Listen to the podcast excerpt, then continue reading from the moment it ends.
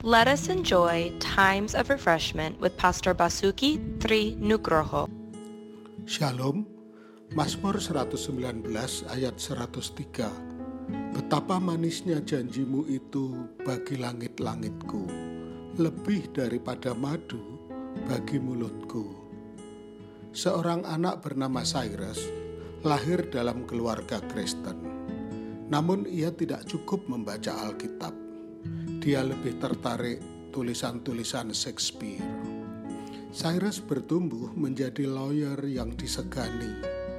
Saat dia berumur 36 tahun, temannya datang ke kantornya, mengajak berbincang dan menanyakan mengapa dia tidak menjadi orang Kristen yang taat.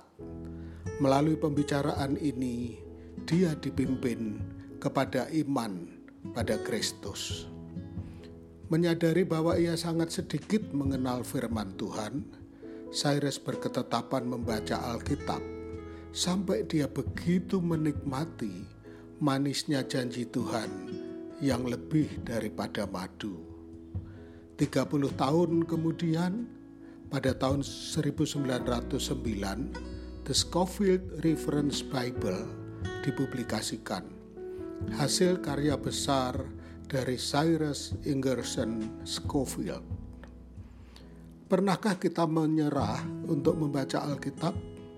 Mari kita mulai lagi. Membaca Alkitab secara konsisten adalah bagian penting pertumbuhan kerohanian kita. Ini adalah jalan untuk mengenal Allah itu sendiri. Tuhan memberkati. Untuk info pelayanan lebih lanjut, hubungi GBI Grace Community Center Makassar di nomor 081343625334. Tuhan memberkati.